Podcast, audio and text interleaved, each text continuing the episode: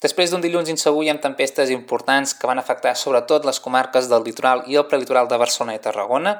entre avui i demà estarem pendents de la formació d'una pertorbació que portarà més xàfecs al llarg d'aquesta tarda, però especialment aquesta nit i durant la matinada dimecres, que podria afectar sobretot les comarques de la costa central i també de Girona i la Catalunya central. Per tant, de moment, aquest dilluns matí s'espera que el sol sigui el protagonista de les comarques de l'oest del territori, més núvols cap a la costa i la Girona a mesura que el dia i sobretot serà a partir de la tarda que els núvols arribaran a qualsevol punt del país i també podrem començar a treure al nas les primeres precipitacions, serien més aviat de caràcter feble. Ara bé, de cara a la nit i durant la matinada, aquestes precipitacions guanyant intensitat, de fet seran tempestes localment intenses, fortes, amb alguna calamarsada i cops forts de vent, i afectarien, sobretot durant la matinada, també a sectors de les comarques de Girona, Catalunya central i també a tota la resta de la façana litoral, ser més probables cap a la zona del delta de l'Ebre. De fet, on menys plourà serà cap a les comarques de Lleida.